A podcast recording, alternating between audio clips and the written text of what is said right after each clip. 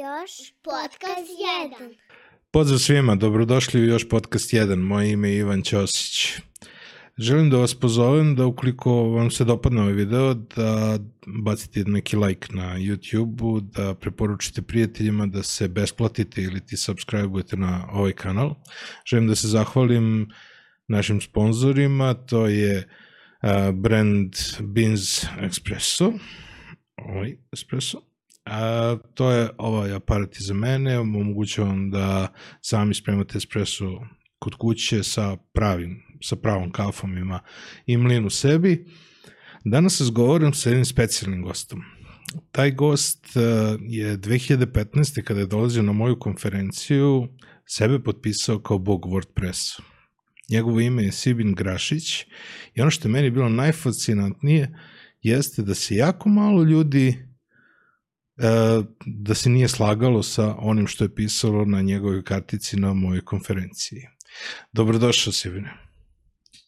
Hvala na pozivu, Ivane, i drago što sam ovdje. Kako je tekao, e, kako je teklo detinstvo nekoga ko je na kraju postao bog WordPressa? Uh, jako, jako zanimljivo pitanje i pitanje koje nema neki prosti jednostavan odgovor pa u suštini kao i, ajde da kažemo, svako drugo detinjstvo nekoga koji je iz unutrašnjosti. Znači, mnogo igre, mnogo zezanja, tu i tamo učenja i ono što bi se reklo klasika. Moje detinjstvo ne verujem da je nešto posebno drugačije ili posebno specifično da je uticamo na, na moje buduće zvanje. A odrastao si u Kruševcu? Uh, da. Uh, I ka... Znači, 18 godina. Kad si prešao u Beograd? Uh, kada sam došao na studije. A dobro, koje većina, godine? Koje godine? Uh, 2008. jesam. 2008. Uh -huh. I uh, upisao si ETF, odatle taj prvi nadimak koji si koristio ETF-ovac bio nek, neka vrsta tvog brenda, ali tako? Uh, da, upisao sam ETF 2008. godine i na njemu sam bio 2014. i to je nadimak koji sam koristio u početku na Twitteru, ja mislim da je to negde do 2016. 2017. godine. Inače, uh, zanimljivo je to što je cijela zamisao tog Nika ETF-ovac, tog prvog bloga koji sam nekad vodio je da to bude nešto skroz anonimno, nešto čemu bih pisao na situaciji o ETF-u, nekim dešavanjima tamo i tako dalje i tako dalje, međutim vrlo brzo je to sve palo u vodu zbog toga što pa ili nisam imao vremena ili nisam imao nekako, nekako volje da se tim bavim onako kako je trebalo i onda sam vrlo brzo izašao da kažem iz te kvazi anonimnosti i krenuo da pišem pod svojim imenom. A kako je ime Sibin uopšte?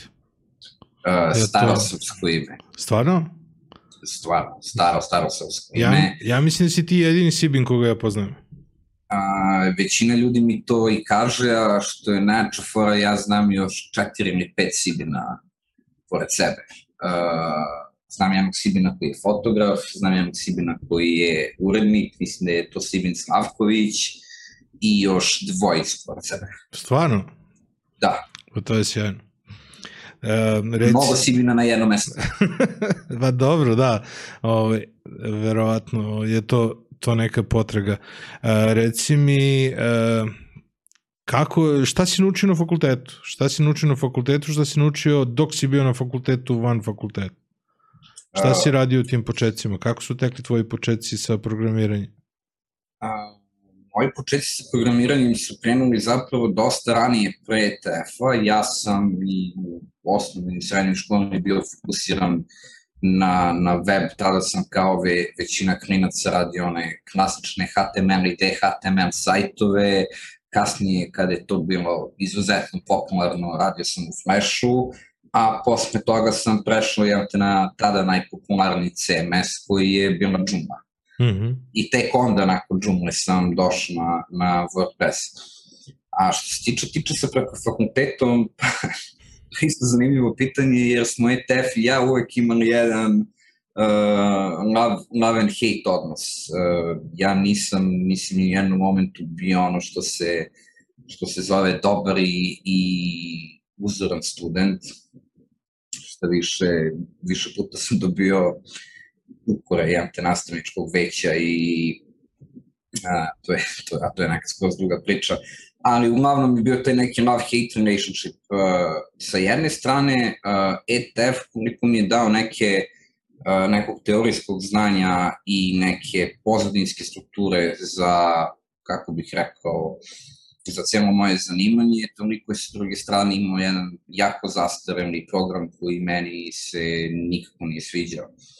I pošto sam, jedan zbog toga što sam i za unutrašnjosti, moji nikada nisu bili, da kažem, u Kinti. Uh, vrlo brzo sam po domasku na fakultet krenuo da radim i nikad nisam imao puno vremena da se baš onako do kraja posvetim fakultetu. Uh, ali me nauče neke jako, jako korisne stvari koje mislim i do dana današnjeg koristim svakodnevno u radu i postoje predmeti koje sam zaista učio i sa, i sa željom i sa voljom jer su mi se sviđali. Jedan od tih programa su algoritmi strukture podataka koje mislim da svaki developer treba da zna nebitno koje su tehnologije kojima se bavi ili da li je frontend, da li je backend ili da li mm -hmm. radi web ili klasično programiranje i knjiga iz tog predmeta je jedna od knjiga koja mi je i dan danas na polici koju vrlo često listam zbog nekih stvari.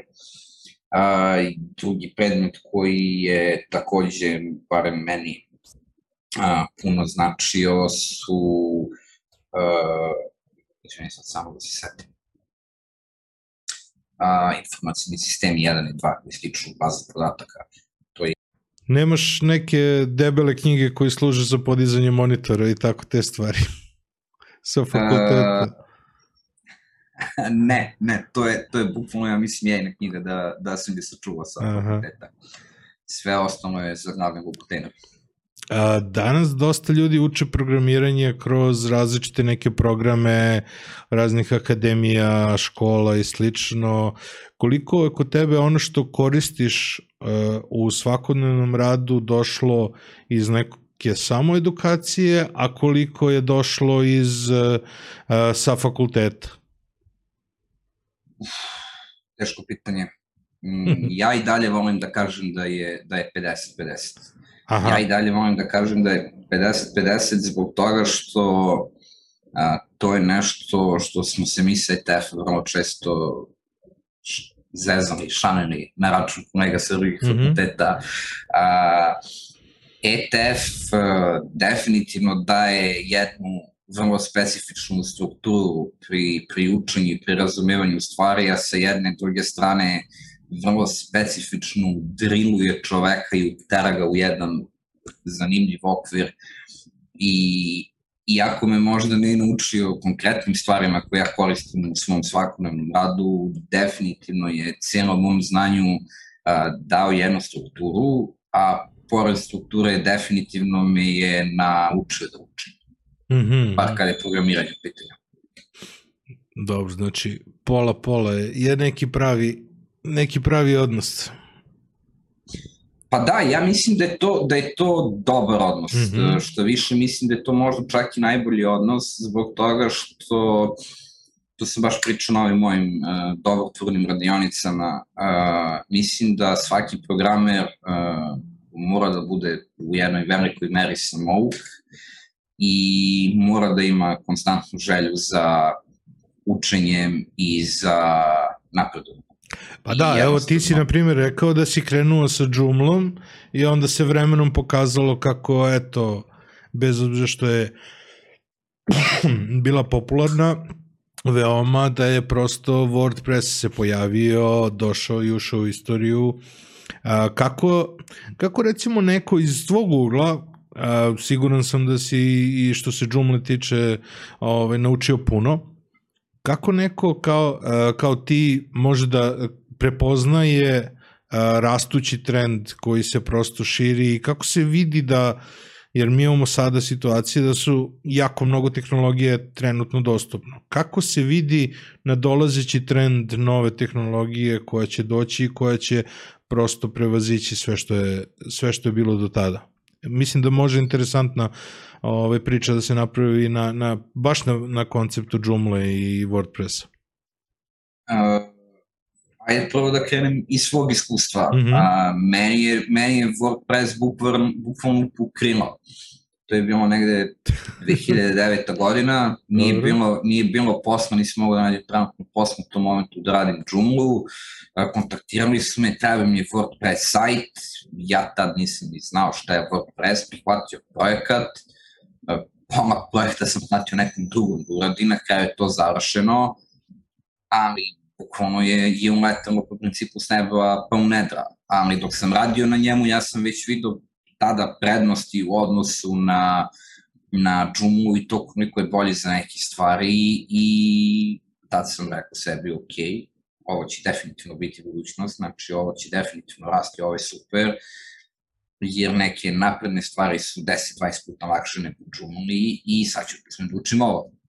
Naravno, to je zahtevamo kompletnu promenu paradigme i načina razmišljanja i načina rada, ali vremenom sam se uigrao ja, te za, za WordPress. Što se tiče odgovora na tvoje pitanje kako prepoznati trendove, to je isto, kao i sva tvoja pitanja do sada, zanimljivo i kompleksno pitanje. Uh, sa jedne strane, uh, zašto je to bitno? Da, da ja tebe ovako pitam, zašto misliš da je bitno da li je nešto u trendu i da li će nešto biti in kada je programiranje ili kada su programski jezici u pitanju? Pa zavisi prosto toga i ili je tehnologija koja je uh, mala i koja je ograničena na određenu nišu i onda si specijalista u toj niši, ali prosto ukoliko se na određenom tržištu Uh, a to je tržište sistema koje upravljaju sadržajem, menja de facto lider, ti treba da prepoznaš ako se u tvom tržištu, u tvom znanju menja lider, da treba da ovaj da zameniš da zameniš platformu na kojoj radiš. Recimo u hipotetičkom slučaju kada bi se pojavila neka ultra superiorna zamena za Photoshop. Ja bih morao da promenim svoje poslovanje tako da uključim to u, u svoj rad, je li tako? Tako da interesuje me iz tog ugla kako da prepoznaš trend i kako da prepoznaš da tehnologija kojom se, neko, kojom se ti baviš umire. Uh, pod pretpostavkom da tehnologije zapravo mogu da umru. A, još, uvek da ima, još uvek ima džumli, da. Uh, ne samo to, ja znam par firmi u Srbiji koji rade primarno džumlu i koje se ubijaju od para radeći u džumli. Mm -hmm. Što za sebe, što za klijente. Džumla i dalje ima svoj following i dalje postoje neki use case-ovi gde je možda čak i bolje od WordPressa i oni koji je znaju će uvek da kažu Joomla je bolje od WordPressa ili meni Joomla više leže nego WordPress. Joomla kao takva u sve svoje nedostatke nije umrla. Mm -hmm. Isto kao ni što WordPress sve svoje nedostatke neće umreti. A mm -hmm. ja kad se god povede priču o umiranju tehnologija, volim da skrenem na naj, najzanimljiviji primjer na globalnom nivou, a to je da skoro svi svetski financijski sistemi dalje počivaju na Kobolu. Jezik koji je star više 40 godina i dalje go-to jezik mm -hmm. koji pogoni svetski financijski sistem. Nisam, u Americi... Nisam znao za to. Ne, ne. U Americi imaš... Mislim, znam za Kobol, znam priču o Kobolu, ali ovaj, ne bih znao da navedem ni jednog programera koji se ono samo bavi Kobolom i koji ovaj, i nisam znao prosto da, da su ti sistemi bazirani na tom. u Americi imaš firmu koja se zove Cobol Cowboys, mm -hmm prosek godinu u firmi 55. pa dobro. Ti ljudi za mesec dana zarade pare koje ja mislim većina ljudi u Srbiji ne vidi na godišnjem nivou. Jer je jako stara tehnologija, nema dobro. mnogo ljudi koji je znaju, nema mnogo ljudi koji je znaju e, sitna cevca. Pa, to je interesantno. I to su glavno da. matori developeri i ti developeri dalje traže medjore, juniore, klince koji će uzmu da uče, da bi mogli da, da, nastave, da nastave posao.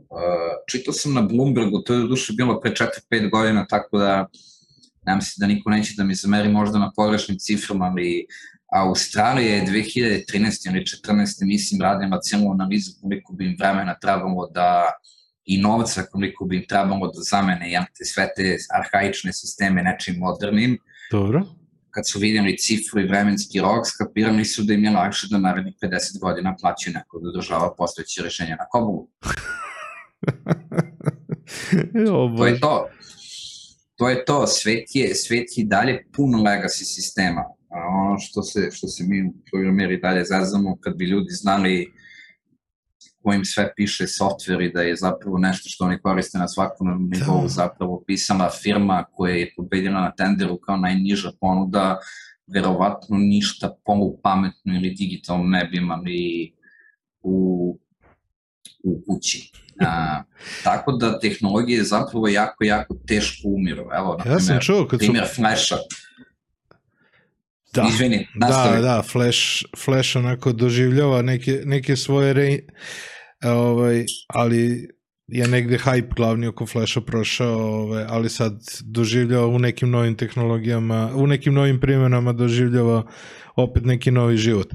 Uh, ja, sam, ja sam čuo sjajnu priču ovaj, da, da ti dopunim, to bi mogli, mogu da, i da ti istražim, kako su došli neki prodavci softvera da, da u, u železaru da prodaju neki softver železari i da su ovi rekli kao pa naš sadašnji softver kod nas svi ljudi komuniciraju sa visokom peći kao najave se kad im šta treba pošalju mail visoka peć im odgovori kao kako visoka peć odgovori, kao pa imamo softver gde visoka peć ima neki svoj AI gde upoređuje i zakazuje ove, kad ko može da koristi, kao, kao samo su se okrenuli kao, i odustali zato što njihov softver to daleko toga da ima u tom trenutku.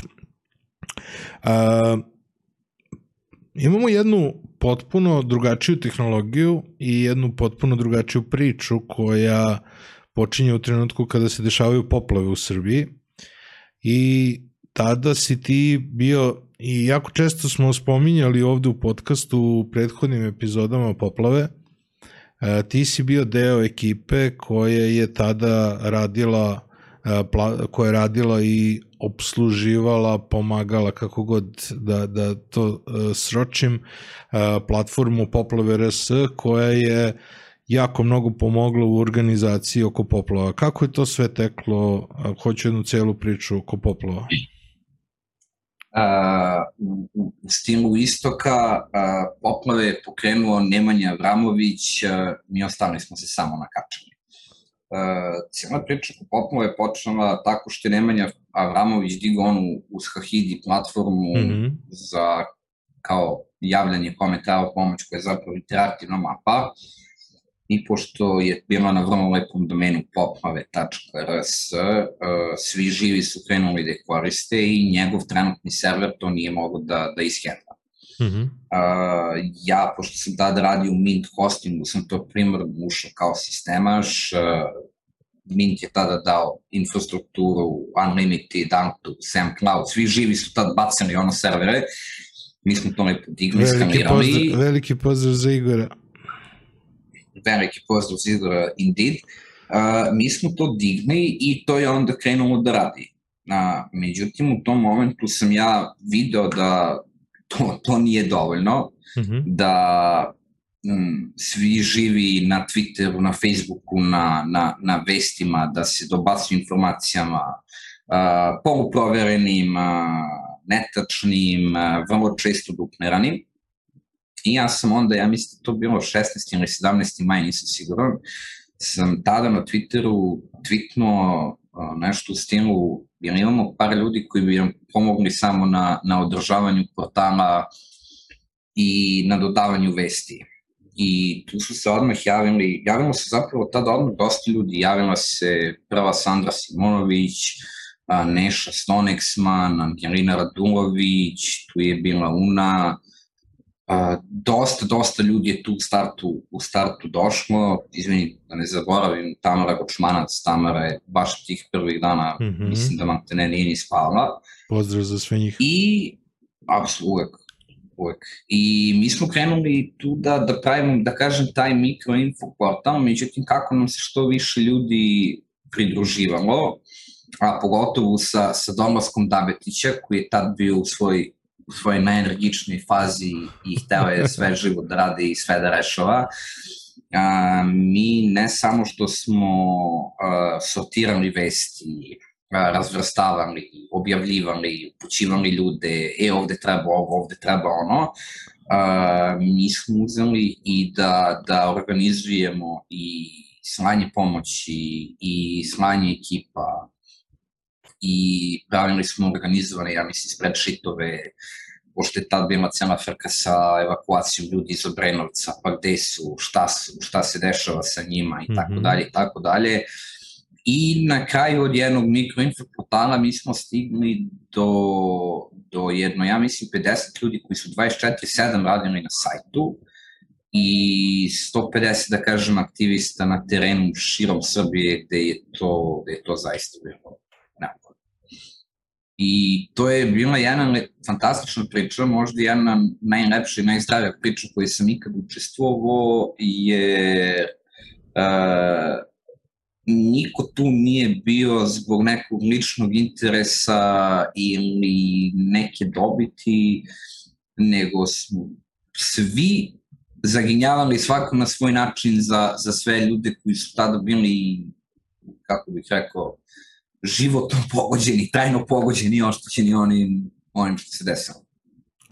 Jedna praktično potpuno drugačija ekipa, uh, slična ali drugačija, se organizovala nekoliko godina ranije oko uh, Kraljevačkog zemljotresa, onda potpuno druga ekipa se organizovala oko poplava, uh, ad hoc, ljudi se skupe, organizuju. Zašto možemo da se skupimo samo kad je haos? Zašto tako dobro funkcionišemo u haosu? Zašto kad je haos zaboravimo sve te neke lične porive o kojima si pričao? Pa to je više pitanje za psihologiju, ali zbog toga što je, što je ljudski. Što je ljudski. Ljudska, ljudska priroda je, ja se barem i dalje nadam da je ljudska mm -hmm. priroda da, da, da pomažemo drugima, da donosimo sreću jednim drugima, a ne da se konstantno kanalimo i, i koljemo. I mislim da kad su takve stani pane situacije, kada je za, za drugo, kada je neko jedinjenje radi, radi većeg cilja, da je tad ljudima jednostavno lakše. E, možda nije osoba koja koju vredi pominjati ovako u podcastu, ali Goebbels je dosta, dosta pisao o tome, o tome kako jedina stvar koja je potrebna za ujedinjenje naroda ka jednom cilju je samo neki spoljni neprijatelj i tako dalje, tako dalje. Mm -hmm. Tako da u ovom slučaju možemo da kažemo da su te nebogode bile neka vrsta spoljnog, spoljnog neprijatelja i onda je svima bilo lako da, da krenu ka, ka, ka tome. Ali ljudi, mi koji smo bili tu, znači mm -hmm. tih 50 ljudi, tih 150 ljudi, mi smo se svi manje više, manje više znali sa interneta, sa razno raznih konferencija, tako da, da kažem, nama, nama nije bio problem da se rađujemo. Uh, sećam se da je tada bilo dosta priča vas, SNS, ovo, vi ste ovakvi, vi ste onakvi, uh, Ma, te priče su vrlo brzo, vrlo brzo prestane zbog toga što su ljudi skapirali da mi nismo tu zbog nikakvih poena, nego smo eto tu da, mm -hmm. da pomognemo ljudima i da naš jedni cilj da se ljudima pomogne što se na kraju pokazalo kao tako, jer kada je sve prestalo, kada je ono najgore, da kažem, prošlo i kada su onda krenule obnove i sanacije zbog svega toga, mi smo se povukli po sistemu our job is done. Koliko je to sve trajalo? To je trajalo dva jako dugo meseca. Dva meseca? Dva meseca. Dobro. A, I bile su neke nagrade koje ste dobili za to, je li tako? Uh, Tesla je dao nagradu celom projektu, uh mhm. -huh. znači ne ljudima, to je ono što, što ja kažem i danas, da tu ne postoji jedan čovek za taj projekat. Uh, ja nekako ne, ne volim da se eksponiram u tom smislu, niti kažem da sam ja bio neko i nešto, osim jednog malog zvučnika u velikoj mašineriji, ali da, ceo projekat je dobio nekoliko nagrada, između kojih je jedno uh, Srpskog društva za odnose sa javnošću, uh, mislim da smo dobili zahvalnicu od grada Beograda i još nekom, da kažem, sitih nagrada. Ali niko to nije radio zbog nagrada. Naravno, naravno. Uh, reci mi, pomenuo si Mint hosting, koliko dugo si radio u Mintu? Kako su poslovi bili tamo? Šta si tamo naučio? Smo radio, u Mintu sam radio godinu i nešto dana, tamo sam naučio pa bar 50% stvari koje dan danas znam o, o hostingu. Mm -hmm. Igor je, Igor je sjajan lik i definitivno čovek koga bi mogao da pozoveš u neku narednu epizodu hostinga jer zaista od njega može čovjek da čuje jako pametne stvari. Njega, za njega čekam da napravim studio, da ga, da ga dočekam uživo, on je ovaj, to mora da bude jako veliki studio. da, da smesti nas dvojicu, da. da. Njega, njegov Vego i tebe. ovaj, nije, bilo, bilo mi sjajno. Oni Ivana su redovno dolazili na, na svaku konferenciju koju sam organizovao i evo sad od kako je cijela ova blokada nismo se videli dobrih par godina, tako da baš bih voleo Reci mi, uh, znam da je Mint, koliko se ja sećam, akvizirao nekoliko hostinga i ti kada si pravio svoj hosting, akvizirao si isto nekoliko kompanija. Kako funkcioniše za krajnje korisnike situacija kada jedan hosting preuzima drugi? To me jako interesuje. Mm, ne znam, ne znam za Mint, ali što se moje firme tiče Ovla Kosta, jedna od naših prvih akvizicija je, je bila Uniweb Hosting, s obzirom na to da je veliki broj korisnika tog hostinga već krenuo da prelazi kod nas. Mm -hmm. A Uniweb Hosting je jedno vrlo kontroverzno ime u, u srpskim krugovima s obzirom na to da je njegov vlasnik bio jedan od otvoreni i osvedočeni prevarant koji je mnogi ljude prevario, mnoga poslovanja zaviju u crno zbog toga što je njegov glavni cilj bila prodaja, a mm -hmm. uopšte se nije starao ni o serverima, ni o tom hostingu, tako da je u više navrata kroz dugi niz godina imao situacije gde mu padne po 4-5 servera i gde ljudi ostanu bez svega, bez mailova, bez fajlova, bez domena i tako neke slične horor priče. Ja lično čak znam par ljudi čije kompletno poslovanje upropastio znači puko je server, puko je hosting, firma nije imala neke ključne mailove za neki sudski proces i otišli u stečaj. Mm -hmm. Tako da je jedan od naših ciljeva bio pri toj akviziciji da, da, da kažem, da očistimo malo tržište od takozvanih loših igrača i da pomognemo tim korisnicima. Mi smo pre akviziciji dobili pristup serverima, igrom slučaja dobili smo čak i neke hard diskove sa backupovima, mm -hmm. pa smo bili u toj jedinstvenoj prilici na nekim korisnicima koji su već bili, da kažem, u očajanju jer su mislili da su ostali bez iče, bili smo u situaciji da im pomognemo. U toj konkretnoj situaciji mi smo, da kažem, kompletno progutani brand Mm -hmm. Znači, korisnici su obavešteni od danas više universe hosting i hosting, on je sada deo obla hostinga, menja se manje više sve i to je to. I od, zapravo mi smo tada u toj situaciji naletili na izuzetno pozitivan uh, odgovor tih klijenata koji su već bili ja u toj fazi da čoveka nije bilo, da se nije odgovaramo na tikete, da nisu rešavani problemi i onda sama činjenica da im je neko tu da im odgovori na poziv, da im odgovori na tiket je, je značajno mnogo. Imali mhm. smo nekih sludih situacija gde se mi čoveku javimo na telefon, a čovek provede 20 minuta s nama ubeđujući se da smo mi neki od anteregoa prethodnog vlasnika i tako dalje. Aha, aha. Da, da ste stvarni? Mislim, oni, Da li smo stvarni? Da, pošto kažem, googlanjem Uniweb hosting, to je jedna jako duboka zjačija rupa koja može da ti pruži sati sati čitanja i, i sati sate smenja, malo i plakanja kada vidiš jednostavno čega je sve tu bilo. Na kraju dana ja to i dan danas znam kao na jednu, na jednu jako veliku pozitivnu stvar koja je urađena za celo srpsko tržište hostinga, a to je da neko ko čije ime je sinonim za prevaru, Mm -hmm. znači što njegovo, što ime hostinga, više nije tu i to je, kao što rekao, dobro, u neku ruku treba da mi se digne jedan spomenik, na jedna paketa, hvala na, znači što... Pa ne, to je, znaš šta, uh, iskreno, to je, to je mnogo strašno zbog toga što uh, taj Uniweb hosting u periodu 2009-2011 godina bio najveći srpski hosting provider. Mm, stvarno? Znači, ništa Adria, ništa Lupija, ne, ne.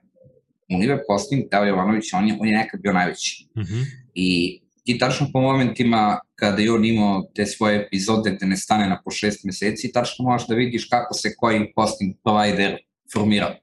Aha. A, ali tužno je to zbog toga što zbog svog agresivnog marketinškog pristupa i zbog svoje cenovne politike većini ljudi on bio prvi susret sa jednom srpskim postim tržištem i onda posle takvog lošeg iskustva većina ljudi u fazonu srpski hosting provider, ne, ne, ne, ne, ne hvala. Tako da I onda kada si ti, kada si ti rešio da, da praviš svoj hosting, šta su bili neki postulati koje si sam sebi zacrtao? Uh, nema priličarenja, uh, korisnik je na prvom mestu i kvalitet mora da bude na prvom mestu. Profit je sve. Šta je za tebe priličarenje? I, uh, pa, pod se može pod, podvesti, mislim, znaš kako, neki bi rekli da je to legitimna prodaja taktika, što i jeste, ako gledamo po čistoj teoriji.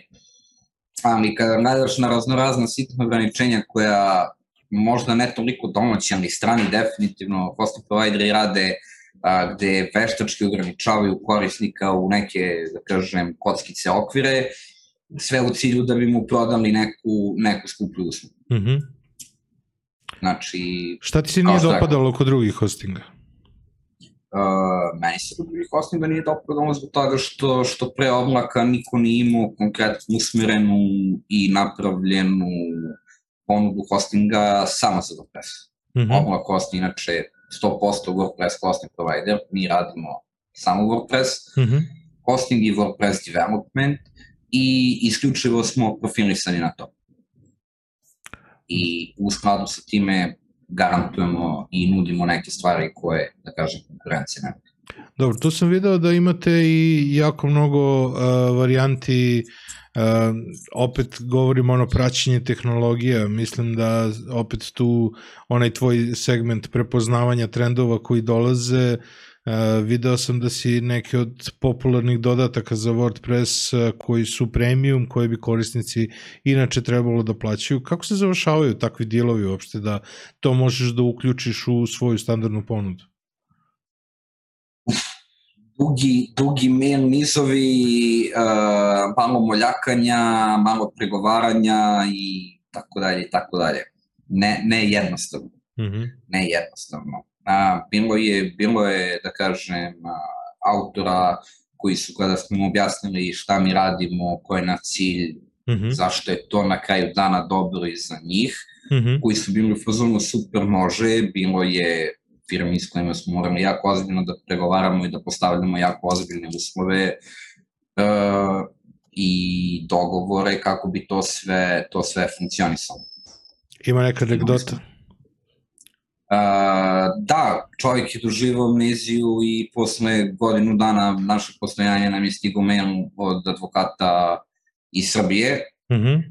po ingerenciji advokata iz Holandije, cease and desist varijanta pretnje tužbom, pa smo onda morali da podsjećamo jednog advokata, drugog advokata i samu firmu, to je samog čoveka s kojim smo pričali odatle, da mi zapravo imam timam dogovor i da je to sve okej. Okay. Aha. A onda se ispostavimo da je čovjek samo permutovo. Da je zaboravio potpuno. Da, da je, da je permutovo, da je, da je zapravo video, da je zapravo video neki drugi sajt, uh, mislim da je Slovenija bila i tako Aha. dalje, a to je neki, ja mislim, provider koji nudi one nulovane teme. Aha. pošto u svojoj ponudi ima preko 100 tema, 100 pluginova i tako dalje, a većina je u stvari ono, skinuta jednom sa Team Foresta bez ili je skinuta sa onih nul sajtova, znači bez ikakvog dogovora, bez ikakve priče. I onda je on samo pomešao i onda je on googlao da vidi da li je komunicirao, aha, to su ovi i to je to. Mm -hmm. A ko, sa kim je bilo najlakše napraviti dogovor? Uh, sa kim je bilo najlakše napraviti dogovor? Uh, sa, sa moram, nisam moram ja da pomenem. Uh, znam po ikonici, ne znam po, ne znam po, po kako se zove, po, po nazivu. Uh, e, najlakše je bilo napraviti dogovor sa, sa momcima koji su, pravili, koji su pravili Flexia Pro temu, jer nije nešto popularna tema, Aha. ali je jako zanimljiva i onda kad smo im rekli, ok, mi bismo uzeli toliko i toliko licenci po tim i tim uslovima, ali bismo dali korisnicima, jer možda oni su bili, jao, super, može, naravno, evo i popust itd. itd. Aha. Zbog toga što mislim da im tema nije toliko popularna, nije toliko aktivna, mislim, kada se spominje Elementor, kada se spominje WordPress, ljudima su uvek prve dve asocijacije, znači Astra i Ocean VP, mm -hmm. kada su oni čuli da mi zapravo hoćemo njih da guramo u prvi plan, oni su bili ok. I druga, druga firma, to jest nije firma, nego je čovek, to je momak koji pravi ACF Pro, to jest ne pravi više, prodaje ceo taj biznis, samo jeli od kondom, kada smo mu rekli, je, mi hoćemo ACF Pro da, da nudimo kao uslugu, imam to problem i on je bio u fazonu, naravno, samo da svaki bude aktiviran, da se tačno zna šta je vaše, šta nije i tako dalje i tako dalje. Zapravo većina, većina firme, većina ljudi s kojima smo mi komunicirali su, su bili jako korektni. Mm -hmm. uh, bilo je, na primjer, i firmi s kojima nismo uspjeli nikako da uspostavimo bilo kakav vid saradnje ili dogovora, ali mislim, toga uvek ima. Dobro, ali ne gubiš ništa ako probaš, ako pitaš. Pa, to da.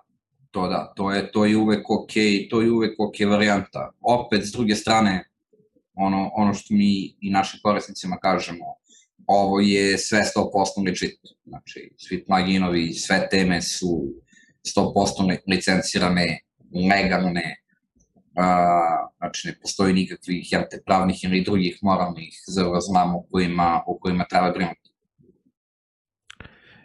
I kakve su sada anegdote kada si ti vlasnik hostinga?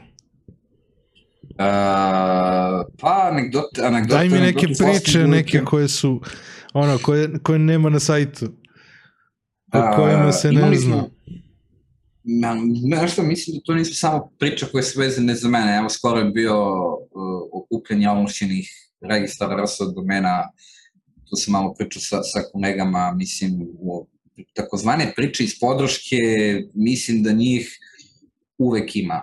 Nebitno je, nebitno je koje je brančno. Mislim, znam dosta ljudi iz SBB podrške, iz Telekom podrške, znam dosta ljudi iz NCR-a koji su zapravo iznajmljena podrška za neku drugu firmu. Uh, taj, taj podcast da napraviš ima bi, ja mislim, priča za narednih uh, 15 godina, čega, čega sve ima u, u radu sa ljudima. Uh, pa planiram da dovedem znam, čoveka koji je bio jedan od glavnih u NCR-u kad je NCR došao u Srbiju, tako da Ove, ovaj, ali mislim da Super. da sigurno bi podcast, ono, priče iz podrške ove, ovaj, bio veoma slušan. Eto ideja, eto ideja za nekoga bio bi, bio bi definitivno, definitivno hit. Uh, pa pazi, ne, ne bih nešto mnogo, ne bih nešto mnogo da pričam zbog toga što ne želim da se neko prepozna pa da misli da mu se, da mu se potkmevam, ali imali smo par zanimljivih situacija gde, gde nas je čovek zvao i vikao na nas preko 20 minuta jer mu ne radi internet u kancelariji. Mm -hmm. I bilo je potrebno mnogo, mnogo finog i laganog objašnjavanja šta je hosting, šta je internet, zašto ako njemu uopšte internet ne radi u firmi, to nema veze sa nama. A, I imali smo drugu jednu situaciju gde klijent je otišao od nas, prebacio sajt kod, kod drugog provajdera i onda mu je taj provajder rekao da, da se vrati nama da mu mi rešimo problem na njihovom poslu. Mm -hmm. I to je suštini to. Da kažem, to su neke, to su neke opšte priče. Specifičnosti ima ima mnogo, ali definitivno kažem nije za javnost jer mm, ne bi trebalo da, da se, da se podspunimo ljudima. Uh, pazi, ljudi, ljudi, često, ljudi često ne znaju. Mislim, mislim da je to, da je to ok. Mm -hmm. Mislim da je to ok, ne znati opet. Hosting je jedna manje više tehnička stvar, ljudi vrlo često ne razumiju ni kom principu funkcioniše, kamo li one sitne detalje, šta je DNS, šta je hosting, šta je mail, kako se sve to sklapa jedno drugo i, i tako dalje. Uh, I vrlo često mislim da, da, da podrška, naša podrška, ne samo naša, nego podrška bilo kog hosting providera, uh, mora da budu komunikaciji sa licima koje nisu tehnički pismene ili jednostavno nisu toliko struci mm -hmm. da, bi, da, bi, da bi razumela i iz tih situacija izađe isto puno, puno nekih smešnih dešavanja, ali kako bih rekao, snatko smešnih. Znaš, neko ne zna, onda pretpostavi, lupi neku nazovi uslovno rečeno glupost, ali želi da nauči, želi da mu objasniš, znaš, to je, to je onda okej. Okay. To je onda okej. Okay. Svi smo, svi smo mi jemče bili nekad u, u nečemu početnici, a ove, ovu situaciju sam pomenuo zbog toga što je čovjek bio vrlo ubeđen i vrlo siguran u svom nastupu i baš smo aktivno morali da mu objasnimo da, da mi nismo internet provider. Znaš, kao, kao u onom tiketu, kao, neka onom tiketu, kao onoj priči kada Joy, Joy podršku ne radim u kompjuter i onda se objašnjava s njima pola sata i kaže je on kompjuter upaljen, pa nije, pa upalite ga, pa ne mogu, nemam struje. E, to su, to su neke tih priča. Ili ona Balašića priča kad se televizor sam upalio, kao, ka, pa kako znaš da se samo upalio, pa kad je počeo da se puši. Tako da, ovaj, elem, um, ljudi ne znaju, uh, ljudi žele da znaju, žele da nauče, ti si pokrenuo uh, određenu, određenu seriju svojih predavanja o WordPressu, uh, kako to sve funkcioniše? Kako se osjećaš u ulozi predavača? Ja sam u ulozi predavača osjećam sjajno. Uh, ja sam u WordPress zajednici aktivan od, od njenog osnivanja, mislim da ako nisam bio na prvom, onda sam bio na drugom prvom predavanju i držao predavanje na, na drugom skupu, mm -hmm. u domu omladine, ako se ne varam. A, tri puta sam bio predavač na WordCampu, a samostalno sam organizovao, ja mislim, preko sto i nešto radionica za ovih a, šest godina. Mm -hmm. a, nisu predavanja, ovo što sam organizovao nisu, nisu predavanja, nego su baš radionice. Radionice za development Mm -hmm. Znači, neke, da kažem, developerske cake naprednije i neke osnove sumirane na jednom mestu uh, koje ne mogu baš tako lako da kažem da se nađu. Znači, njihova zamisao nije da da od ljudi pravi WordPress developere, nego da od WordPress developera napravi još bolje WordPress developere. Mm -hmm i koncipirano je baš kao radionica koja ide uživo jednom nedeljno, gde ljudi dođu, ja pričam o nečemu, onda oni postavljaju pitanja, podpitanja, tu se povede neka diskusija i tako dalje, tako dalje. Ja nisam čovek koji veruje u kurseve, pre dve godine sam rekao nešto iza čega i dalje 100% stojim, a to je da nikad, nikad neću da, da napravim kurs. Nikad. Što? A, nudili su mi, nudili su mi, znači u protekle godinu i po dana imao sam preko 20 ponuda Dobro. od tih da ja napravim, pa da Dobro. neko drugi prodaje, a da ja osim najveći deo para, preko tih da ja na već gotov kurs samo stavim svoje ime, ono, svoj sinova kurva. Uh, nisam, nisam prihvatio nijednu tih ponuda. Što ne verujem u kursevi, što neću da radim kurseve? Pa, Pošto si jedan od ljudi koji su najčešći hejteri kurseva po netu, pa zato sad želim da, da pređem i na tu priču. Uh, hejtujem kurseve zbog toga što svaki kurs, skoro svaki, 99% kurseva kaže završi ovaj kurs i budi to. Mm -hmm. Završi ovaj kurs i budi nešto drugo. Završi ovaj i ovaj drugi kurs i budi nešto treće. Uh, to ne funkcioniš tako to, to ne funkcioniše tako i to nikad ne funkcioniše tako, nikad neće funkcionisati tako. Uh, postoje par kurseva što, što u, u Srbiji, što, što da kažem u regionu koji mi se sviđaju i koje poručujem ljudima i kažem da super. Prvi zapravo nije kurs, nego je ona večernja SEO škola Nedima Sabića. On to baš vodi kao školu, kao školicu. Mm -hmm sa sve ispitom na kraju, zadacima i tako dalje. Znači nije varijant, evo ti pozdrav, 50 sati video materijala. Uh, da, ja inače jako cenim i poštom ono što Nedim radi i mislim da je jedan od naših većih stručnjaka, znači Super. u toj branši. Uh, I drugi kurs koji preporučam ljudima koji me pitaju je Elementor kurs Level Up Milana Milićeva. Znači, to je primarno Elementor kurs i Milan kaže tu jednu mnogo lepu stvar. Ja ću vas da naučim da pravite sajte u Elementoru. I on nauči ljude da prave sajte u Elementoru Mm -hmm. taj tips and tricks za freelancing i tako dalje, ali to nije varijanta ja ću tebe da napravim WordPress seniora, ti ćeš moći posle mog kursa da budeš baja da praviš 2000 evra mesečno i tako dalje i tako dalje. Elementor Ninja. Uh, jedan od naših najvećih stručnjaka za, za Elementor. Mm, Ja se Elementorom ne bavim toliko um, kada mm -hmm. meni treba pomoć ili kad je pitanje, ja idem, plačem njemu. Mm -hmm. Jer čovjek jednostavno sve sipa iz rukava i stvarno Milan Elementor radi na jako visokom nivou.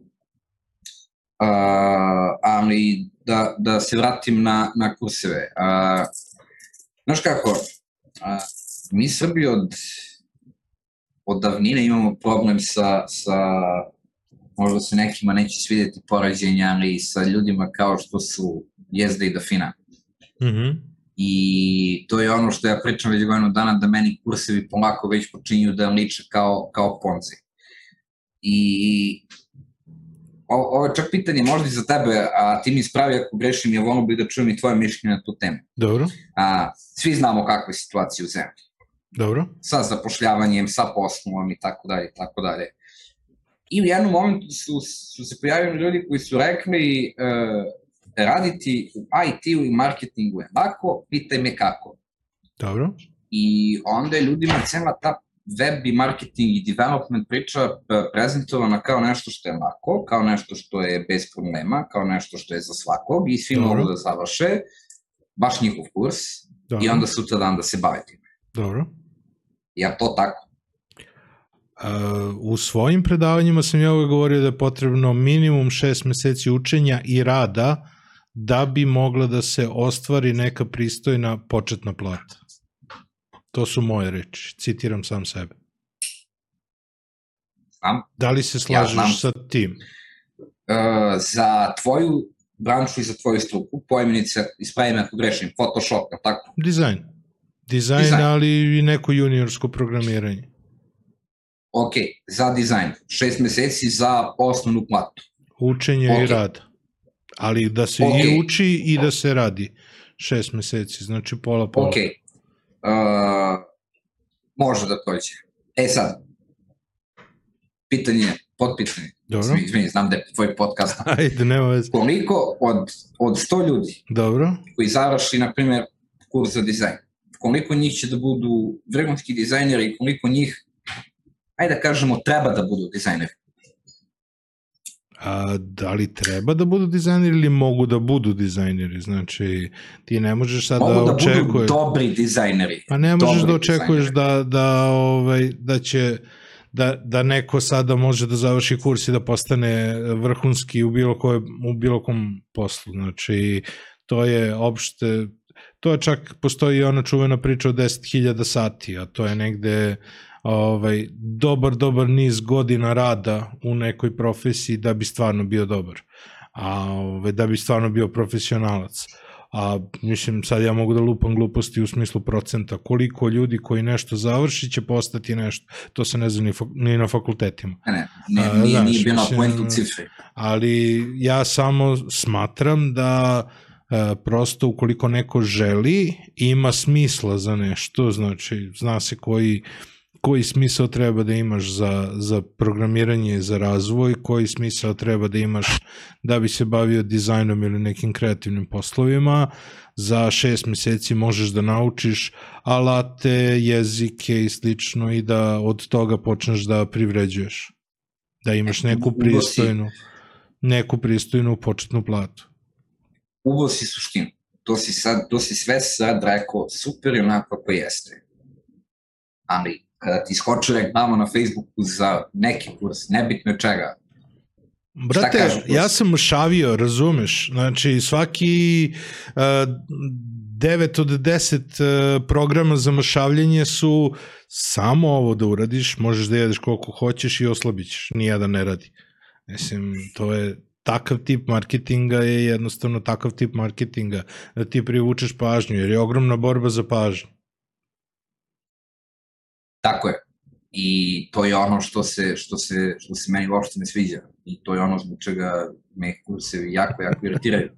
Pogotovo reklame za njih. Evo, šerovo sam sliku pre, pre par dana.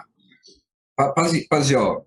Mm, anonimno sam šerovo sliku, znači nisam, nema identifikatora, nije bitno mm -hmm. ko je. Uh, formirao sam newsletter kurs posle 15 meseci rad u agenciji, od tih 15 meseci rad u agenciji. Dobro. Šta neko može da predaje posle 15 meseci? Posle, po, da li može posle 15 meseci, nebitno da li je dizajn, da li je marketing, da li je web development, da li je uh, klesanje, slikanje, nije, nije bitno šta. Ali u pitanju ja, kurs ja ili da je u pitanju samo newsletter? Kurs. Je li besplatno ili je ovaj, Kurs. kurs? Znači, Mm -hmm. plaćeno. Dobro, Ok, kapiraš, kapiraš dok smo, kapiraš dok smo stigli. dobro. Je, je realno da, da posle 15 meseci može da se ima znanje i iskustvo da se može decidno pisati o, o, o bilo čemu. Ne može, Znaš, ali Evo, možda neko hoće da plati da, da čita iskustva tih ljudi. Glupo je, glupo ne, je što se svaka- zove svaka- kursem. Glupo je što se zove kursem. Ali mislim da svako, svako iskustvo može da bude vredno. To je moj stav. Uh, može, ali ovde, ovde imamo problem onome što smo, što smo pričali nedavno od Dunning-Kruger grafika. To je da ljudi sad završe kurs, bave se nečim Mhm. i odmah postanu znamci, majstori. Da, da. Evo ti moja firma, na primjer, Ali imaš, imaš i drugu stranu medalje.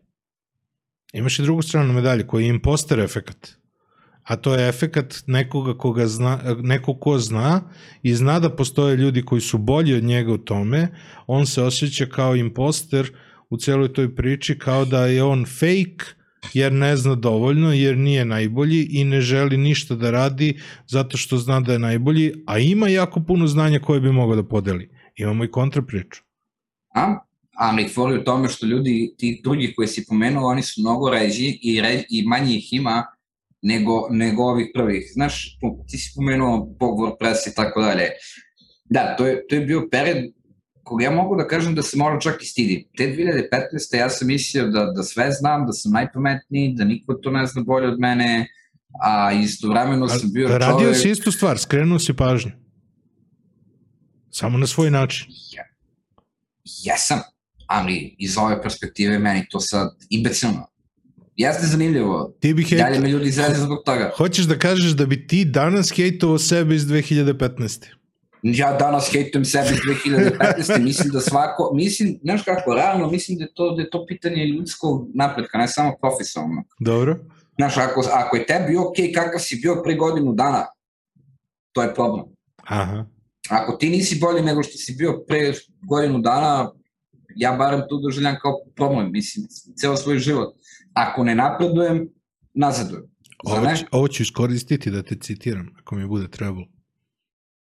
Koje da sam 2015. godine Ne, ne, ne, ovo, ja sam, ne, ne, ovo kao ako si pre godinu dana, ako si, ako si zadovoljan, kako si već rekao, ako si zadovoljan sobom od pre godinu dana onda nešto ne valja, da, da, da, to, to mi je se dopada ali stvarno, ali, ali stvarno mislim, mislim da, da jeste tako. Opet kažem, dve, znaš šta, ja sam iskreno u svojim javnim nastupom i na ovom podcastu Mhm. i, i u svojim prezentacijama 2015. ja sam bio toliko neodgovoran da, da mislim da s koga god pitaš s kim sam god radio te 2015. bi rekao ja uradio je super posao, ali sam pogubio sve živice jer se nije javljao na telefon, jer se nije javljao na mailove. To je, to je glas, to je moj puter na glavi, to je nešto što ja kad sad hoću da sarađujem s nekim koji već sarađivao samo moram prvo da mu objasnim, e, bio sam glup, Da, da. nabrijani klinac.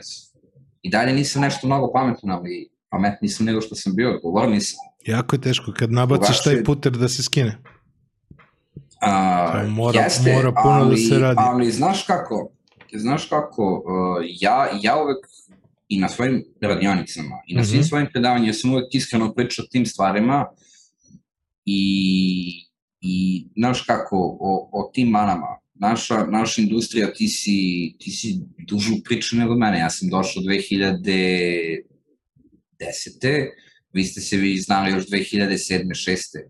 Mislim, ne znam, među prvima ja sam upoznao Danicu, Niki, ti si se 2010. znao s njom koliko, 2, 3, 4 godine.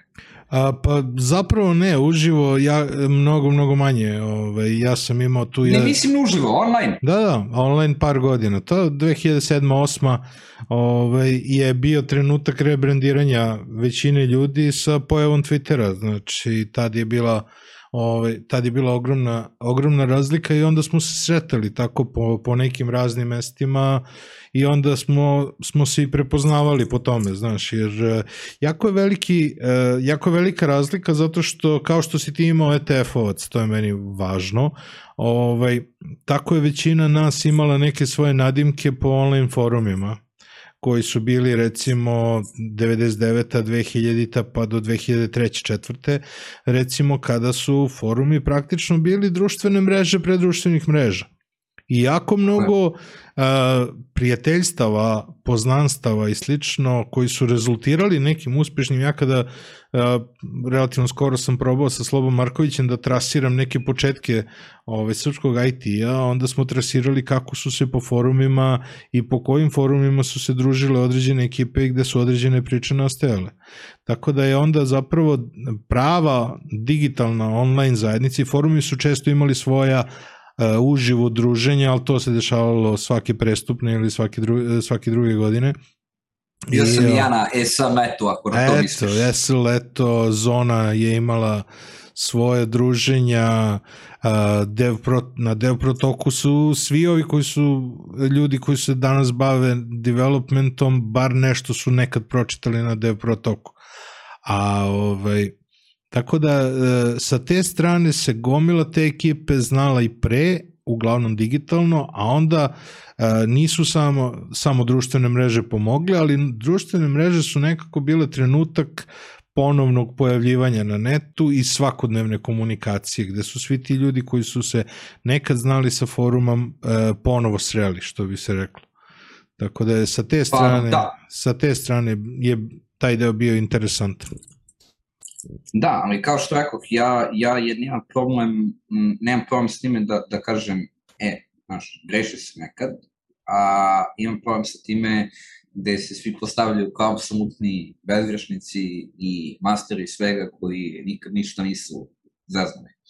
Znači, A to je, to je, veliki na primer, problem, da kažem, ta ali to je taj problem ovaj, koji sam ja i želeo negde da dodirnem kroz, kroz ovaj podcast, da smo negde navikli da konstantno reklamiramo sebe u nekoj potrazi za drugim poslovima i slično, dok eh, bismo možda mnogo više eh, rezultata postigli tako što se u nekom okruženju u kom se krećemo eh, da u tom okruženju komuniciramo kroz probleme koje imamo kako bi nam ljudi predložili druge ljude ili nas povezali sa ljudima koji mogu da nam reše te probleme. A ne, mi konstantno je uh, networking baziran na tome da se svako predstavlja prema onome u čemu je najbolji. A predstavi se ti Pa- po problemima koje imaš, pa će, pa će neko da ti nađe rešenje za problem ili da ti predloži, ej, treba bi da se upoznaš. Znaš, ja znam super lika koji radi ovaj, sa serverima već duže vreme ili sa ruterima već duže vreme, on bi možda mogao da ti pronađe neko rešenje. Znaš, ili znaš, treba ti kontakt do nekoga, ej, možda bi bilo dobro, ali ne, svako se predstavlja u svom najboljem svetlu, uh, u toj nekoj suludoj potrazi za, za, ovaj, za nekim novcem i nekom zaradom. I, kažem, to je, to je jedan od razloga zbog čega sam ja, ja prestao da trubim zbog WordPressa, zbog WordPressa. Mhm. Uh, ne, ne, ja sam, ja, ja, ja sam i tekako postao svestan tog, tog neznanja i to je, to je vrlo zanimljivo, nadoveze se na ono tvoje pitanje da li će ova tehnologija postati zastarana i tako Mhm. dalje. Uh, ne verujem da će nešto moći u skorije vreme da skine WordPress sa trona. Mhm. Prvo zbog ekosistema, drugo zbog entry levela, Mhm. koji je za neke osnovne stvari jako nizak. Ti nisi WordPress developer, a znam da možda napraviš sajt na Elementoru koji će da zadovolji potrebe 60, 70, 80% korisnika firmi i tako dalje, a nisi developer primarno, Mhm. znači entry level je jako nizak i on zbog toga neće da, da prestane. A, Meni znači neće moći meni je da za bude WordPress, meni je za WordPress najvažnije to da ako imaš problem nekoga je imao pre tebe sigurno. Jako, Naći ćeš rešenje. jako je teško da budeš prvi koji E, ima neki problem. E, i, ali to mu je najveća rak rana Aha. to, mu je naj, to, to, je ono što, to je ono što pričam 10 godina. U WordPressu imaš jedan ili dva načina kako se stvari rade by the book. 100% da kažem algoritamski ispravno u skladu sa WordPress kodeksom kako su oni zamislili. Onda imaš 10 polu tih kvalitetnih rešenja i 3000 štab kanap varijanta. I onda je for u tome što će prosječan developer da googla problem, naći će to neko štab kanap rešenja, copy, paste, nebitno da li je sa Stack Overflow ili odakle god, Mhm. i problem rešen. Zbog toga što je taj entry bar nizak. Ali to je više do samih developera. To, o tome sam 45 minuta pričao na toj radionici. To kako, kako bi to neko developersko razmišljanje uh, trebalo da ide. A, uh, većina developera nije takva, Mhm. ali većina developera ti je sad došla u ovu, mislim, priču, bar tako vidim na, na ovom našem tržištu, mada to bi možda bolje trebalo da priča neko iz recruiting agencije, tipa Nevena Sofranića koji nisi zvao, Nisam planiram. to ti kažem, ali naše tržište je, je jako, jako zanimljivo. To sam vidio sada kada smo mi tražili medior ka senioru i dođu ljudi sa tri godine iskustva i on je senior. Mhm. Traži seniorsku platu. Tri godine iskustva. Senior. To ti sve govori o našem, o našem tržištu.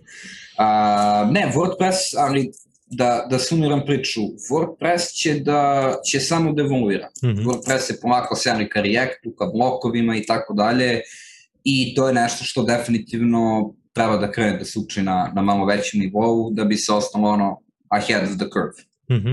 Ali da li će se suštinski nešto tu promeniti u nekih narednih par godina, 2, 3, 4, neće. Jer WordPress i dalje polaže puno nadu u to da je on backwards compatible 4 godine nazad i suštinski tu neće doći do nekih većih promena. A što kako vidiš, jezik, kako vidiš rešenje da, da, da se više ljudi nauči da, da radi te stvari? Ako Mm. su kursevi loša stvar. Šta misliš da bi bilo sistemsko rešenje? ne postoji sistemsko rešenje. Ne postoji sistemsko rešenje i to teška srca kaže možda čak i pomalo mizantropično ili cinično.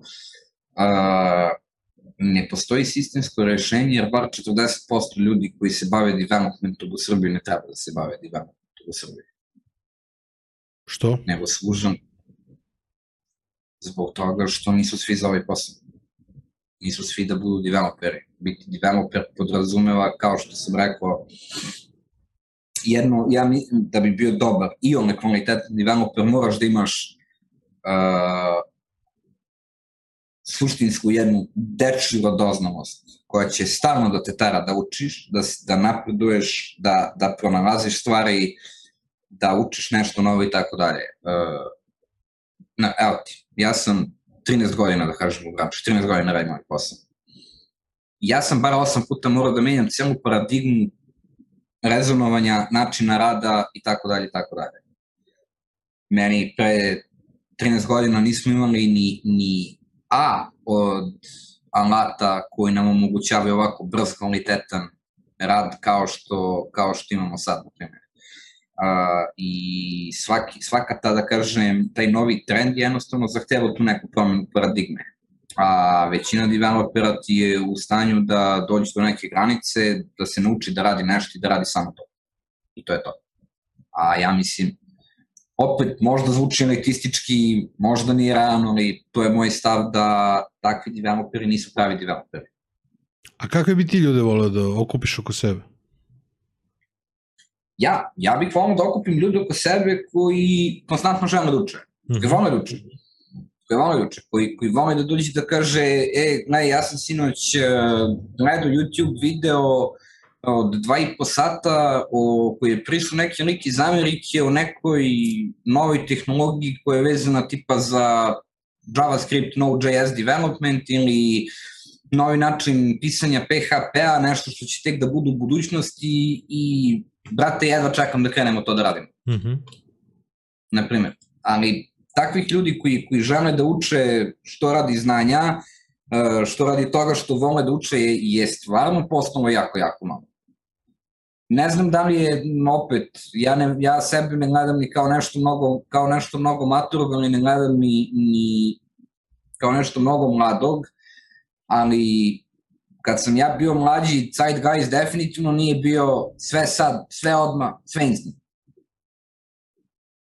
A nekako mi se čini da većina ljudi sada, pogotovo koji ulaze u taj WordPress, koji ulaze u development, manje čak nego ljudi koji ulaze u online marketing, Facebook oglašavanje i tako to, e, su u fazonu sve sad, sve ću odmah, kurs gotovo, ja kidam itd. itd. I svi su ono result oriented umesto process oriented. A da bi si bio dobar developer, mislim da čovjek mora da bude orijentisan na sam proces i na razvojni put. Dobro, ali ja, ja se trudim da, da izvučem od tebe neki savet kako neko ko želi da počne treba pravilno da trasira sebi put.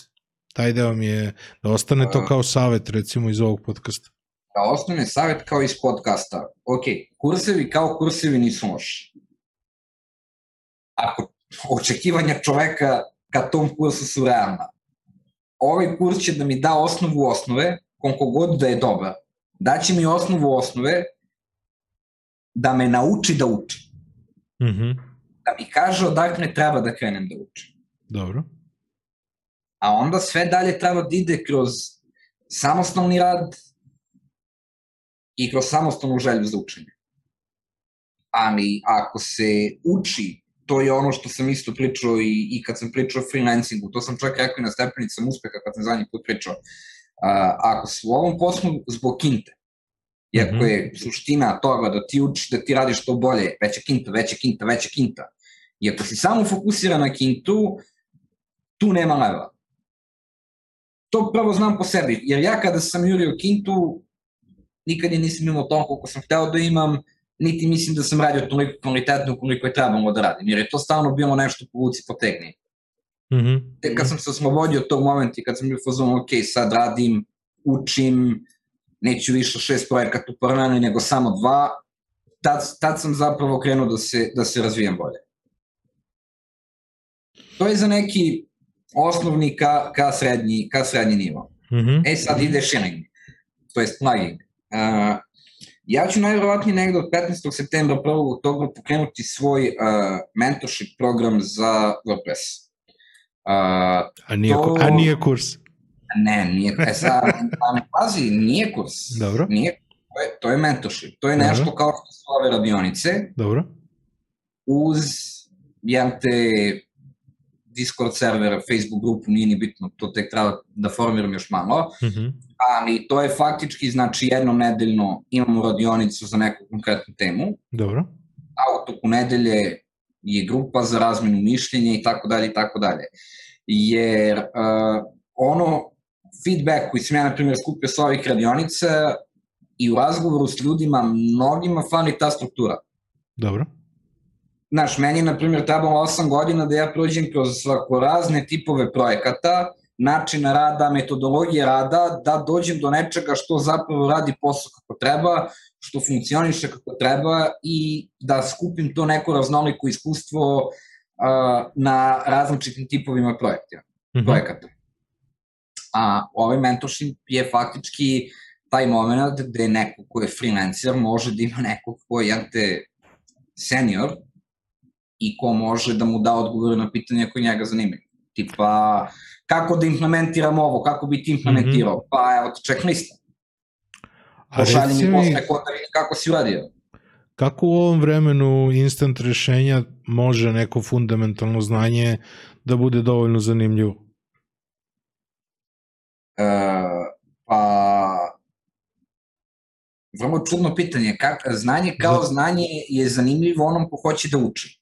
Jeste, ali isto tako lekcije mogu da budu zabavne i kratke kada se konkretno daje rešenje, ej, kako da napravim ovo, a kada toj lekciji uh, ima, ima neko predznanje koje je potrebno, koje je obično suvoparno i dosadno, ti generalno možeš da budeš u problemu i kako da preneseš to znanje, jer je važno da ljudi znaju i taj suvoparni uvod pre nego što im daš konkretno rešenje. Taj deo me interesuje kako si taj deo zamislio, da ljudi kroz e, tvoj, tvoj mentorski program razumeju i ono što je suvoparno i ono što je konkretno rešenje na kraju.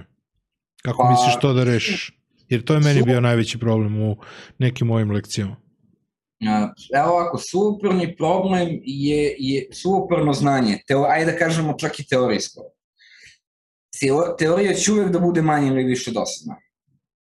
Znači, na ETF-u smo imali bolje asistente, bolje profesore, loši i tako dalje. Oni koji su meni bili najbolji su oni koji su ako ništa, bar mogli da me nateraju da ih slušam o tom teorijskom što, što, što pričaju. Mm -hmm. Tako da ja mislim da taj superni deo može da se nadomesti time što može kroz neke zabavne primjere i kroz praktične primjere da se pokaže kako to funkcioniše. Ali u programiranju ćeš uvek da imaš onaj smorni deo gde ćeš ti jednostavno morati da iščitaš stranu 2, 3, 4 nečega da bi, da bi razumeo sve to što prethodi jel te samoj praksi. Bez toga se ne može. Znaš, evo ti glup primer, kada radiš, na primjer, integraciju sa nekom bankom, osiguravajućom kućom, njihovi, njihovi developeri ne organizuju Zoom sastanak sa tobom i kažu ti, ajde da ti sad mi objasnimo kako ovo funkcioniše. Ne, brate, evo ti 400 strana dokumentacije, pa čitaj. Znaš, uh, i jednostavno to je, aj kažemo, mana našeg posla, ali to mora da postoji. Od toga nema bekstva. Da, pričao sam pre dva podcasta sa Mirom Tasić, ovaj, koja je radila na, na srpskom domenu i kada je pričala kako su stizale ovaj, prve, prve literature za određene tehnologije, da je tu prvi deo posla bio indeksirati sve te knjige, daleko više od svega ovoga o čemu si pričao. Um, to je nešto što se isto uči, ali sad, uh mhm. -huh. to je ono što sam isto rekao malo pre. Mene je ETF stvarno naučio najviše kako, kako da čitam i kako da učim. Kako u knjizi koja ima 850 strana ili kako, ako lekcija ima 50 strana, kako da ja u tih 50 strana nađem one četiri strane suštine, mhm. -huh pa da naučim to, a onda da pokvatam ostane delove koji su potrebni i neophodni da bi se to razumelo kako treba. To se isto uči.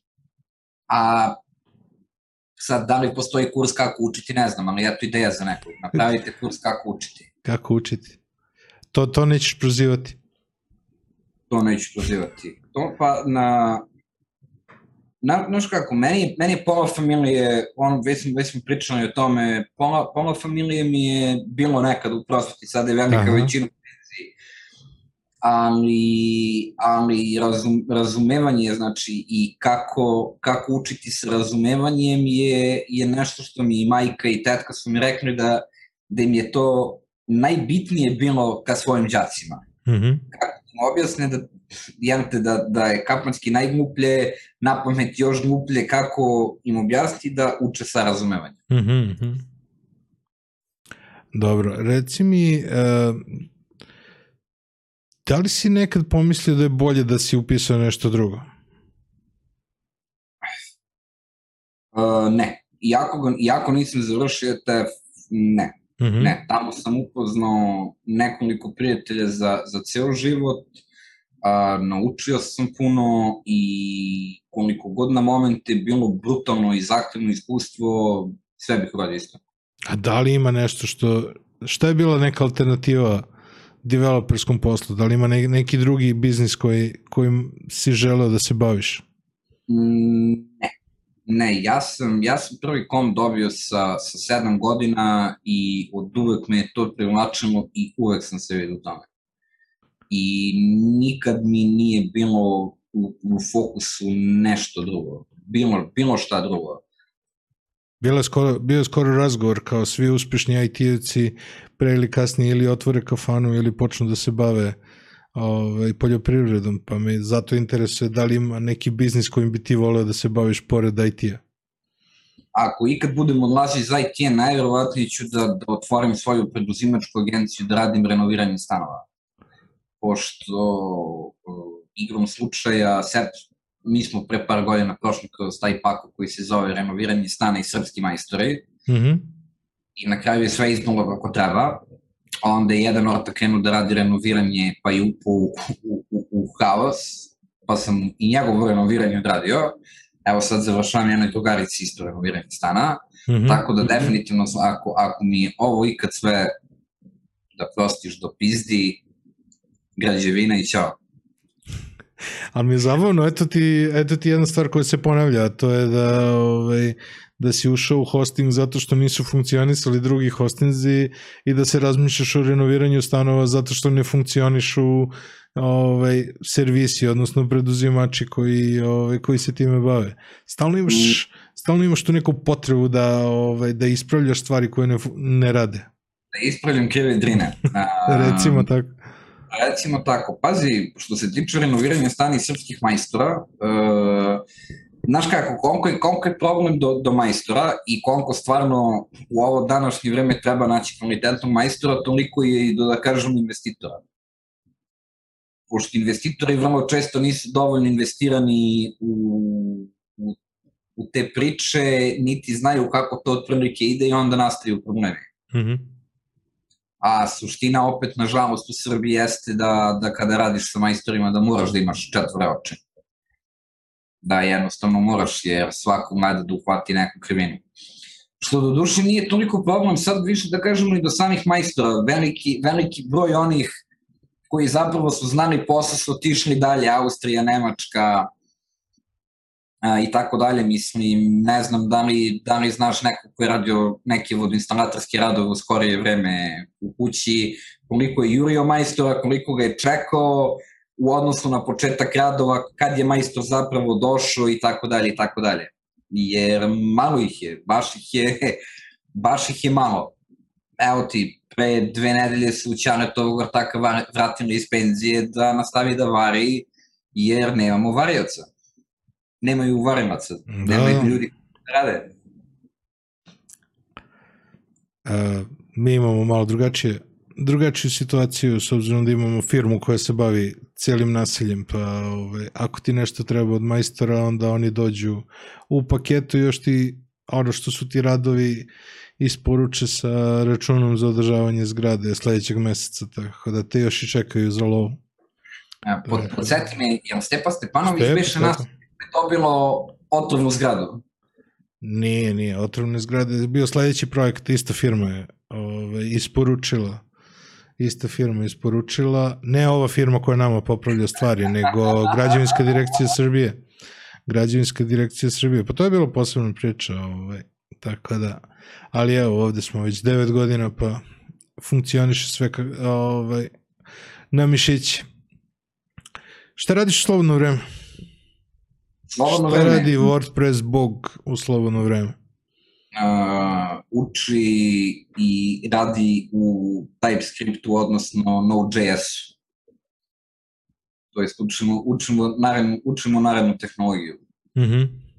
Problem posle 13 godina rada u primarno jednoj tehnologiji, mm -hmm. odnosno WordPressu je što ne znam koliko možda arogantno zvučeno, ja mislim da sam sve radio od, od malih projekata, od velikih. Jedino što nisam do sad radio i to je odnosno da kažem integrisao WordPress sa nečim, to je sa nekim satelitom, mada ni, ni to je isključeno.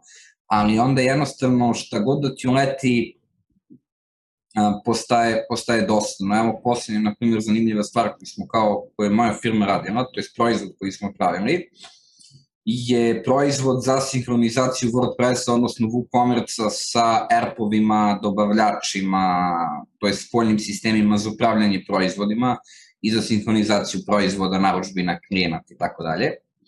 Imamo već nekoliko jakih klijenata čije B2B rešenja a, počivaju jel, na našem rešenju, Mm -hmm. ali to je, da kažemo, posljednja krupna zanimljiva stvar koju, koju sam radio. Sve ostalo što, što sada radimo u okviru firme je nešto što sam ili već radio ili je jako slično nečemu što sam radio. Tako da sad već polako planiram svoj beg u neku drugu tehnologiju i nešto zanimljivije.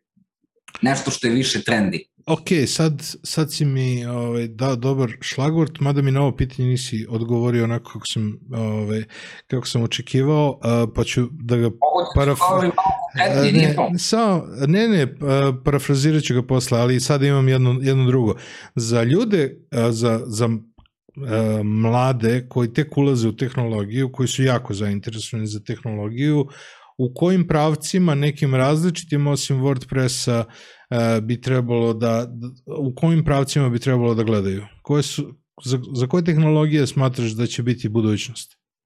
Uh, ja sam, evo ti na primjer ovako, ja React u nekom junior kamedior aspektu radim jako dugo. Ne hvalim se javno da ga radim, ne pričam o tome, ne ulazim u diskusiju njemu, shvatam, smatram da moje znanje nije toliko visoko.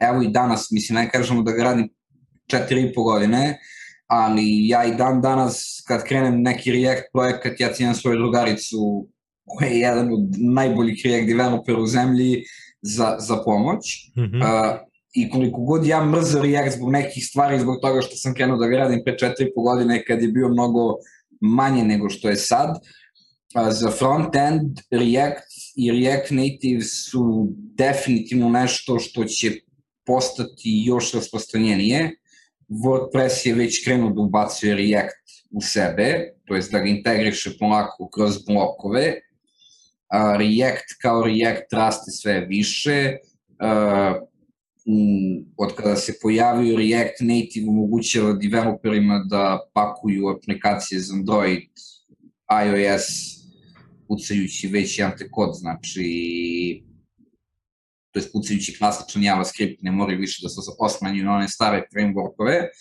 Uh, tako da React JS kao front-end budućnosti React Native definitivno ih zanima front-end. Uh, za back-end TypeScript. Mm -hmm. TypeScript kao Microsoftova tehnologija superseta JavaScripta je, je nešto najbolje što sam ja video. Ajde ovako, kao, kao full stack WordPress, Stack Overflow developer, uh, JavaScript je neizbežan. Znači, ako hoćeš da radiš full stack, nisi mogao da poveneš od, Java, od JavaScripta, od jQuery-a i tako dalje tako dalje. Ali u zadnjih šest meseci uh, učim i radim isključivo u TypeScriptu, koji je malo formalnija verzija JavaScripta i mislim da je to najbolja stvar koja se desila za taj jezik uh, od ikad. A ove neke I, ostale stvari koje nis, se ne tiču samo sajtova? Koje se ne tiču sajtova? Pa, Go, Rust. Oni, oni mislim, već su popularni, ali tek, tek hvataju, hvataju svoj zamet i mislim da će njihov neki zani tek da dođe. Mm -hmm. U developeri sada postaju jako traženi u Srbiji, Rust developeri takođe, a o popularnosti i kvalitetu rast jezika mislim da dovoljno govori to što Linus Torvalds ozbiljno razmišlja da neke delove Linux kernela prepiše u rastu. Mm -hmm. Mislim da dovoljno svedoči njegovom kvalitetu jer čovek koji jedan ti piše jezgro najpopularnijeg operativnog sistema na svetu kaže da je super. Mm -hmm. da, definitivno to. Uh, C Sharp i dalje jako popularan, vidim da je, vidim da je i dalje tražen, uh, svi živi ga rade, uh, opet i on je dosta uznapredo u proteklih nekoliko godina, pogotovo kad je izašao ovaj Windows, da li 8, da li 10 sa UVP platformom. Uh, manje više svaki jezik, ono što se kaže da, da, da baciš ovako na, na, na zid pa gde se zalepi, nije promašaj. Mm -hmm. Ljudi ja kad sam kretao da radim PHP je bio butt joke svih developera kao haha, ozbiljan developer radi u PHP-u i tako dalje i tako dalje. Uh, PHP i dalje isto sjajan entry jezik, Python takođe. Mislim, mnogo se situacija promenila, to je, to je prosto neverovatno, ne znam s kim sam skoro pričao baš o tome, kako su jezici antični gore dole i kako se cijela ta situacija menjala, ali skoro svi jezici programski su evoluirani, drastično su evoluirani, evoluirani su alati za rad sa jezicima i alati koji developeri koriste i definitivno da kažemo mislim da nema greške, ali nešto što definitivno trenutno je najtraženije, najpopularnije i mislim da će biti dalje popularno narednih 3, 4, 5 godina, to je Node.js i React. A pitanje koje sam želeo da ti postavim e, pre, pre dva odgovora je šta radiš kad nisi za računarom? Kako, kako privatno provodiš vreme kada, koje se ne tiče developmenta i svega ostalog, u čemu da. uživaš? Uh, uživam sa psom i ženom. Imam američku akitu koja ima četiri nešto godine i to je terapija. Uče je definitivno terapija. Koliko često odlaziš u Kruševac? Uh. Uh, slabo, mada u proteklo vreme sam išao malo češće zbog toga što je Kevin imao neke problema sa zdravljem, ali generalno slabo. Jedan te jedno najvećih mana Srbije opet kao neko ko izvršta bi, bi morao da znaš koliko manja mesta umiru i to baš, baš umiraju od umiru. Strašno. Migracija od svuda kao vamo. Neverovatno je koliko, su se, koliko se promenila demografija Srbije. Ovaj, sve to što odlazi ne vidi se u velikim gradovima zato što se to popuni sa ljudima koji dolaze iz unutrašnjosti, a najviše propadaju sela, zato što iz sela odlaze prvo u veći grad, pa onda u centralu. To je posebna priča. Pa evo i ti ja smo primjeri. I ti ja smo se prebacili u, u veliki da, grad. Hm? A, zanimljivo je to što među developerima i aj kažemo među ljudima koje znam koji su, koji su IT sferi nekako sad svi hoće da beže iz Beograda. Kosma javala, neko imanje negde na nekoj planinici, nešto samo da nije BG. I, i mi smo ovde isto, da kažem, porodično u tom fazonu da, da pobegnemo da jer... Pa kada tehnologija bude dovoljna, a već je blizu, to uopšte nije loše rešenje. Ovaj. To ne, je... tehnologija je tu. Tehnologija je tu, korona je to pokazala. Korona je pokazala kako možeš, kako mogu svi zaposleni da ti budu remote, a da ti produktivnost ne da ti padne, nego da ti skoči. Mislim, da. ono što sam rekao još prošle godine, uh, 2021. godina, 2022. Firma koja bude insistirala na tome da se radi iz ofisa će prije kasnije da pukne. Jer kad si developerima sad dao mogućnost da rade od kuće, ili ne čak od kuće, da rade od bilo gde, redko ko će da se vrati u kamci. Na pet dana nedeljno. Mm -hmm. Možda ono dan, dva, eventualno da se pobegne, da se malo promeni priča, ali većina ljudi s kojima sam ja pričao više su u fazonu kanc, njet. Što jeste logično, mislim, internet u Srbiji nikad nije bio loš. Ljudi vole da misle da mi imamo užasan internet, nebitno je da li su gradovi ili selo, i Srbija zapravo, kada internet u pitanju ima daleko smo ispred mnogih. Šta više, ispred smo Amerike. Čak i kad pogledaš ruralna područja, a, opet u takvu situaciju apsolutno niko neće, zašto bi neko sedao u kancu kad može da sedi u svojoj kući koja je negde blizu Beograda, na terasi, laptop u krilu, ptice cvrkuću, zašto bi išao u kancu? Da, Bluesman je pričao na tu temu kada je ove, pozdrav za Gorana, a, kada je pričao o tome on u principu u kompaniji koja je skoro potpuno radila remote a, je imao developere po celoj Srbiji i on je bio u fazonu zašto bi developer plaćao troškove koje ima u životu u Beogradu kada može istu platu da dobija i radeći iz bilo kog ono, grada u unutrašnjosti. Tako da je to, to je još jedna od posebnih, posebnih tema. A i život u Beogradu polako, ali sigurno postaje netrpeljiv. Pa ja da, cent... ali isto, ja tako, isto tako se svodi na 80 do 90% uh, provedenog vremena u nekom svom stanu, u nekoj svojoj, u nekom svom okruženju i samo 10%, 15% života koristiš prednosti Beograda koje postoje, koje isto možeš da koristiš ukoliko živiš u unutrašnjosti i dođeš namenski baš za te potrebe ovaj, do Beograda. Jer ti možeš da zakažeš, ti možeš sad da zakažeš sastanke i da dođeš jedan dan nedeljno i da obaviš sve sastanke koje imaš u Beogradu, a da radiš bilo gde iz unutrašnjosti. E da, sastanci su jedna stvar koja je tipično srpska, a to je da se 90% poslova završi za vreme ručka u nekoj kafani. Nije samo srpska.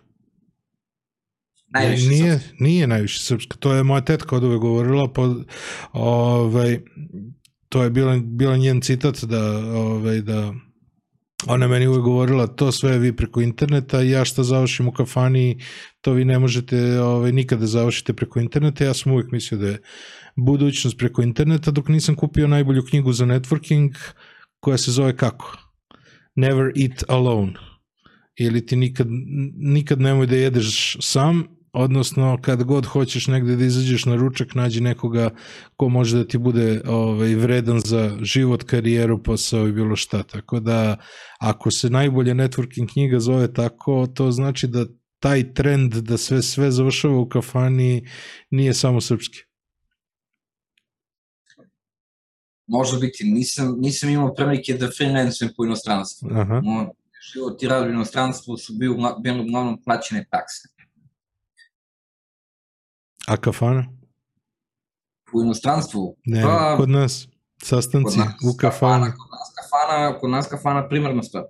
Kod nas kafana primarna stvar. Ne znam, ne znam za ostale, ali 90% poslova uh, kafana, 10% mem ili eventualno Zoom. Ali, pa znaš kako, uh, svi vole da vide s kim će, s kim će da rade. Pa Naravno. Svi, svi vole da vide, svi vole da vide s kim će, s kim će da rade. Imao sam situaciju, radili smo za, za veliku firmu iz unutrašnjosti i sad pregovarali smo uglavnom sa tu nekim menadžerima i to je sve bilo super. Međutim, pred potpisivanje ugovora, e, kaže direktor da dođete vi kod nas da odemo mi kod neručak da vidimo ko ste nas. Glavni direktor, znaš, i to je to. Je to. Dobro. A posao već, pazi, posao već dogovoren, znači radi se, mi već krenemo i radimo, sve, avans, avans primljen. Ali, Ali, direktor mora da vidi, mora da vidi komu, komu radi online. I to je to. hvala ti puno. Na čemu? zbunio, sam, zbunio sam te. Jesi, hvala ti puno na, na razgovoru, mislim da smo pokrili sve, kada budem napravio studiju zovem te ovaj, da pričamo još malo i da, da vidiš kako to sve funkcioniš i da se malo družimo uživo. Ako ste stigli do ovde, hvala vam puno. Hvala vam što ste gledali još jednu epizodu, još podcast 1. Ovo je bio moj razgovor sa Sibinom Grašićem, koga u šali nazivamo bog WordPressa, ali to je uglavnom zbog toga što većina ljudi koji su mu se obratili da im reši neki problem, on im je taj problem i rešio.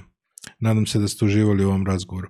Ako vam se stvarno dopalo, lajkujte ovaj video, time će YouTube preporučiti ljudima koji su slični vama, uh, subscribeujte se, odnosno besplatite se na ovaj kanal kako bi vam YouTube servirao ove sadržaje. Ukoliko nas slušate na podcast platformama, preporučite prijateljima, javite da postoji neki tamo još jedan podcast, još podcast jedan koji je zabavno slušati. Gradimo polako publiku i borimo se protiv lošeg sadržaja. Hvala vam puno.